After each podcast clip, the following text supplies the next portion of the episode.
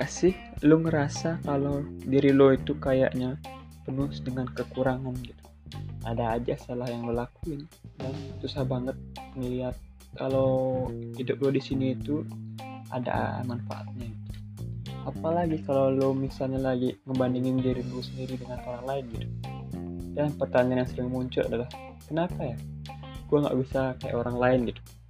Atau at least seoke dia gitu nah kalau sampai sini lo masih nggak kayak gitu lo boleh tarik napas panjang dan tenangin diri lo sekarang.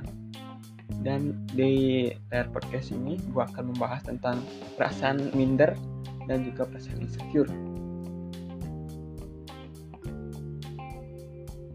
Uh, nah pertama-tama gue mau bilang sih bahwa lu nggak sendirian. Biasanya minder dan insecure itu terjadi karena pikiran negatif di kepala lo itu terlalu banyak. Dan memang ya ada kecenderungan buat terulang-ulang. Jadinya yang kepikiran adalah pikiran yang negatif terus.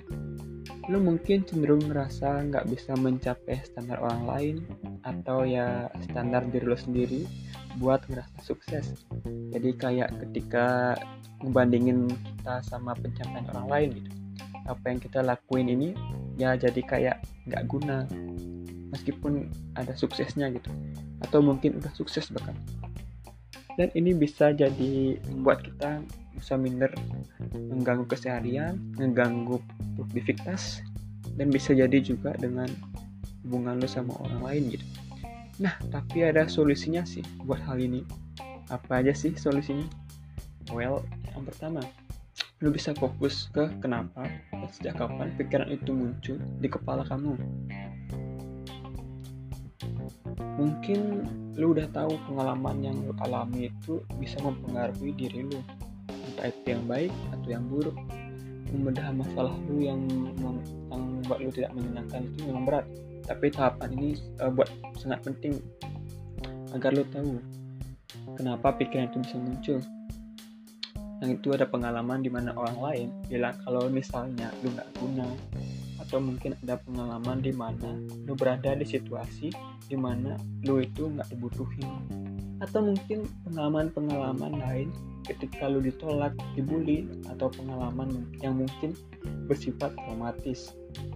Mungkin lu bakal terbantu kalau poin ini ditulis atau lu misalnya ngerasa dari pertanyaan tadi lu punya jawaban, lu bisa tulis tuh biar ada gambarnya lebih oke. Okay.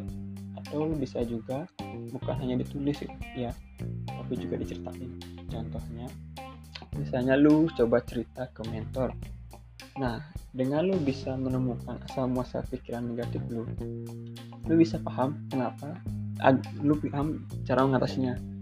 Oh mengapa ternyata oh, oh sejak kejadian ini oh ternyata sejak gue mulai capek dan dari sana sebenarnya lo bisa tahu penyebabnya dan bisa langsung ke solusi yang lain. Sebenarnya setelah lo tahu dan sejak kapan dan apa triggernya. Setelah lo tahu nih masalahnya, nah cobalah untuk fokus buat mengatasi masalah ini agar lo bisa menjadi lebih baik. Tips yang kedua adalah lo bisa mulai atur diri gimana caranya lo berbicara dengan diri lo sendiri. Jadi pertama lo tahu triggernya apa, sebabnya apa, kenapa, kapan, dan yang kedua adalah ya gimana caranya buat berbicara sama diri sendiri. Bicaranya kayak gimana? Nah, kayak gini sih. Coba lu bayangin diri diri lu ada sahabat. Nah, misalnya sahabat lu ngelakuin satu hal, misalnya yang salah gitu. Kira-kira lu bakal ngomong ke sahabat lu kayak gimana sih? Nah, kemungkinan besar ya jawaban teman lu mungkin ya bakal ngajak jelekin kayaknya misalnya pantesan nggak ada yang temenan sama lu lah lu emang orang yang nggak guna gitu. Karena ya itu karena itu sahabat lu gitu. dan kemungkinan besar lu bakal dengerin curhat mereka kan soal kesalahan yang mereka lakuin. Atau mungkin lu bakal nangin mereka gitu kan. Nah dan sesuai coba untuk ngomong ke diri sendiri kayak ngomong ke sahabat. Contohnya dengan kasih kata-kata baik kasih validasi emosi. Bahwa ya emang sedih emang bakal bikin marah tapi tapi nggak apa-apa. Ya dikasih hiburan sih ke diri sendiri. Tips yang ketiga ada lakuin perubahan. Jadi yang pertama kan tadi lu udah tahu penyebabnya. Yang kedua lu tahu udah lu udah ngomong ngomong ke diri sendiri. Dan yang ketiga tetap harus lakuin perubahan sih gitu. Karena pada dasarnya kalau gitu-gitu aja ya bakal gitu-gitu juga sih makanya emangnya harus berubah. Emang sih ngomong kayaknya gampang sih ya tapi kenyataannya memang butuh usaha sih. Dan mungkin juga butuh waktu juga. Dan lebih baik satu persen aja setiap harinya. Itu nggak usah banyak-banyak nggak apa-apa. Kalau bisa lebih banyak ya lebih bagus. Dan sambil ngelakuin ini sebenarnya ya ada baiknya dalam ngelakuin perubahan lu juga belajar berubahnya itu kayak gimana terutama soal perasaan minder dan insecure. Ternyata karena itu yang kita bahas hari ini. Nah kalau lu dapat pandangan lain soal ini buat belajar juga satu persen kebetulan ada webinar.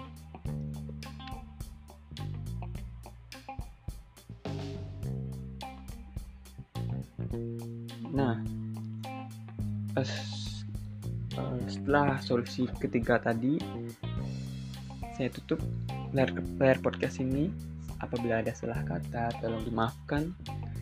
Uh, see you next time